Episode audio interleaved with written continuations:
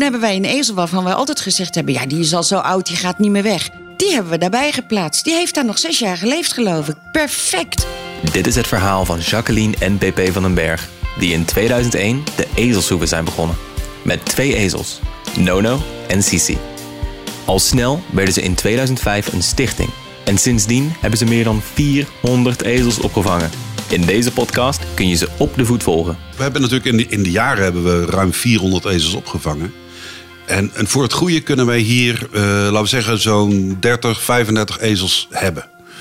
Ehm, uiteraard, bij pieken zijn het er veel meer. Maar gewoon voor een, een beetje goede ambiance in de kudde. Eh, we hebben natuurlijk een ongelooflijk fijne en, en, en rare kudde ook eigenlijk. Ja, maar wel een stabiele. Hè? Ja, een de- hele de- stabiele kudde. Ezels die er al langer zijn, die, die, die vormen dat stabiele, de stabiele Ja. basis. Maar er wordt gewoon elke dag hier gespeeld. En dat is niet standaard. Maar goed, 35 is een beetje het aantal wat maximum is. En we hebben ook een team van vrijwilligers dat gewoon een beetje op dat aantal gespitst is. Maar het gevolg is dat natuurlijk, wij vangen alle ezels op. Maar het betekent dus ook dat wij ezels moeten doorplaatsen. Want anders hadden we er 400 gehad. Nou, dat is natuurlijk helemaal niet te doen. Dus wij plaatsen ezels door. Nou, plaatsen wij die zomaar door? Nee. Daar zitten nogal wat voorwaarden aan vast. Dus op het moment dat iemand zegt, ik wil graag een ezel. Dan komen ze bij mij terecht. Want één ezel is geen ezel, Juist. sowieso altijd al twee. En soms hebben mensen al één ezel, dan is er eentje overleden. Of ze hebben begrepen dat je dus een ezel niet alleen moet houden. En vragen er een tweede ezel bij. Maar het begint dus meestal met een mailtje. Dan nodig ik de mensen uit. Dan moeten ze hier naartoe komen om kennis te maken met, eh, met ons en, eh, en de ezels. Dat doen ze ook altijd. Dat maakt me niet uit waar ze vandaan komen, al moeten ze er een halve dag voor rijden. Ik wil ze echt zien. Dan gaan we hier door de kudde lopen. Dan ga ik laten zien welke we hebben. Ik, ik kijk ook naar de mensen. Wat willen jullie met de ezels? Zijn jullie er bang voor? Of zie je dat mensen wat een beetje schrikachtig zijn? Dan weet ik dat ik daaraan moet werken met die mensen nog. Als zij geen ervaring hebben, Dan moeten, ze moeten stage gewoon lopen stage bij lopen hier. ons. Twee dagen stage lopen. Dan leren ze van ons alles. wat willen ze ook heel moeten graag. doen. Hè? Dat- ik bedoel, vinden het is mensen niet, geweldig. Je kan zeggen dat dat, dat is. Dat, vinden, dat is vaak hun Ja. eerste eh, aanraking met echt met ezels. Dus Ja. dat vinden mensen heel fijn als ze dat onder begeleiding ook kunnen doen. Maar wij, wij bekijken de mens. Ja. Ehm, want sommige mensen die zijn super enthousiast, maar je merkt dat ze gewoon niet echt heel erg handig of gevoelig zijn Mhm. met die ezels.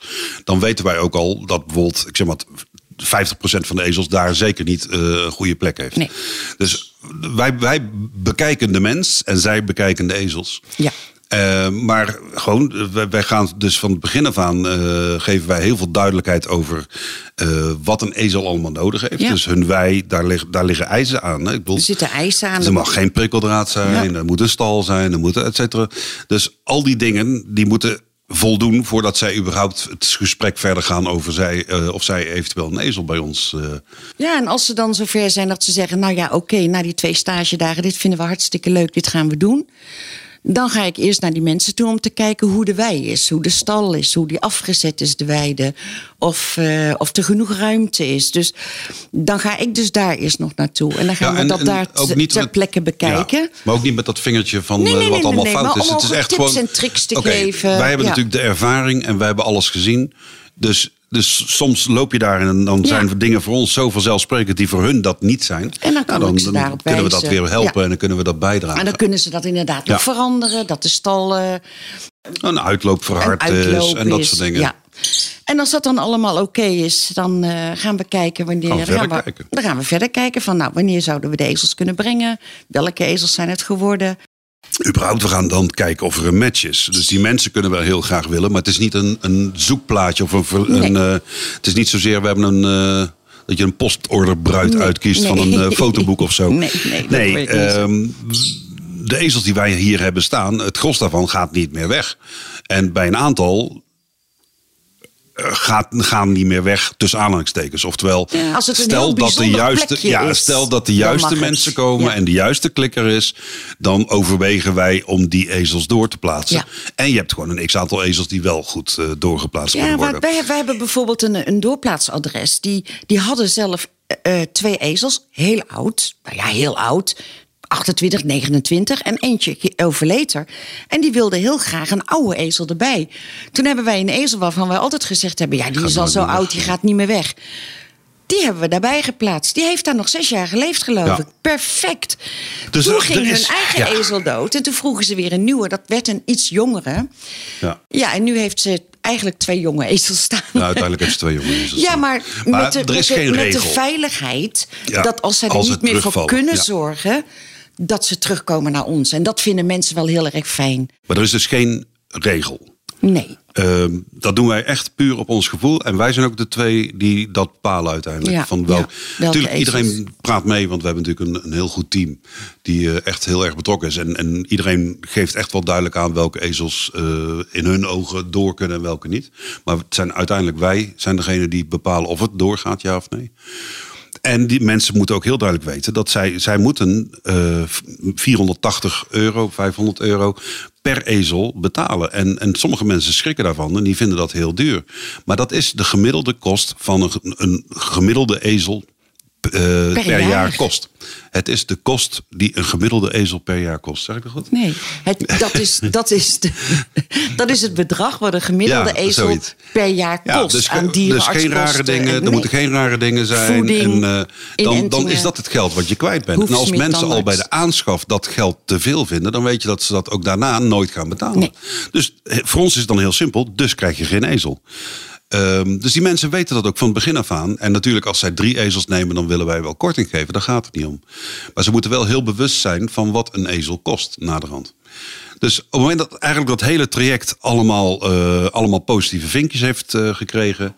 Dan, Dan gaan we eh, ze brengen. Dan gaan we ze brengen. Dan gaan de ezels in de ezelambulance. Wij brengen ze altijd. Wij willen ze echt op een nieuwe plekje afzetten. Ja, ook Er gaat een heel, een heel pak papierwerk mee. En, Ja. en met heel veel informatie voor de mensen. Omdat alles wat je vertelt, ze zijn sowieso al een beetje nerveus. Omdat de ezels komen. Soms is het net of ze twee pleegkinderen Ja. krijgen.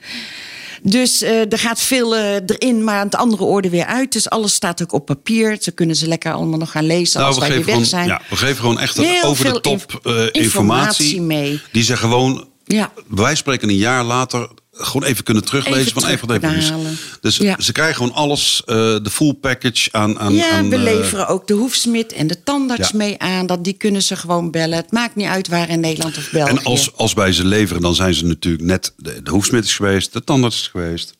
Ze zijn kant en klaar. Wij noemen Ja. dat een gekkeuring. Een gehele ezelkeuring. Dus ze zijn kant en klaar. En ze worden gebracht. Dat is ook in de prijs inbegrepen. En je krijgt drie maanden garantie. En met garantie bedoelen we... Stel je voor dat je ineens twee ezels in je wei hebt staan. En het was hier zo leuk om ze te verzorgen bij de ezelshoeven. Om die twee stagedagen te doen. Maar dan staan ze in je eigen wei. En ineens merk je na een maand... Jongens, dit is het niet. Dit is het gewoon niet voor ons. Dat kan. Belletje, komen wij ze weer ophalen. Krijgen de mensen hun geld terug. Behalve dan de aftrek, transportkosten. Met aftrek van transportkosten, vervoerskosten. Maar ook als, ook als twee ezels geen match blijken. Ja. Ja, dan, dan, dus alles gaat in, in, in, In- zachte overeenkomst. Juist. Nou ja, gewoon alles, alles gaat gewoon eh, Ja. netjes. Dat de, de, de mensen moeten blij zijn met hun ezels. En Ja. de ezels moeten blij zijn met hun mensen. En als ze eenmaal doorgeplaatst zijn, dan blijven ze eigenlijk levenslang, en ik denk dat dat over ons leven gaat en niet over hun leven, levenslang steun krijgen. Ja. Dus wij blijven hun, eh, hun steun en toeverlaat bij alles wat ze eh, op hun pad krijgen met die ezel. Die Dus mensen hebben mijn telefoonnummer, Ja. mijn privénummer. Die mogen me dag en nacht bellen of appen. Dat doen ze dan Ja. ook en dat mag. En, eh, want de ezel mankt. Oeh, wat moet ik doen? Nou, Nou, dan krijgen ze van mij Dus bij advies alle ze moeten problematieken eh, blijven wij Altijd eigenlijk degene. Ja. Ja. En als er ooit iets met die mensen gebeurt, dan moeten die ezels ook terug naar ons. Het staat zwart op wit vast.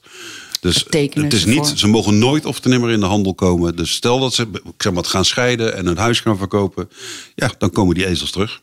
En dat Geen is de keus. veiligheid voor de ezels. Maar ik moet zeggen, ook de mensen vinden dat Ja, een heel heel fijn. fijn. idee... dat ze de ezels onmiddellijk aan ons terug kunnen geven. Wil je meer horen? Abonneer je dan in de app waar je luistert.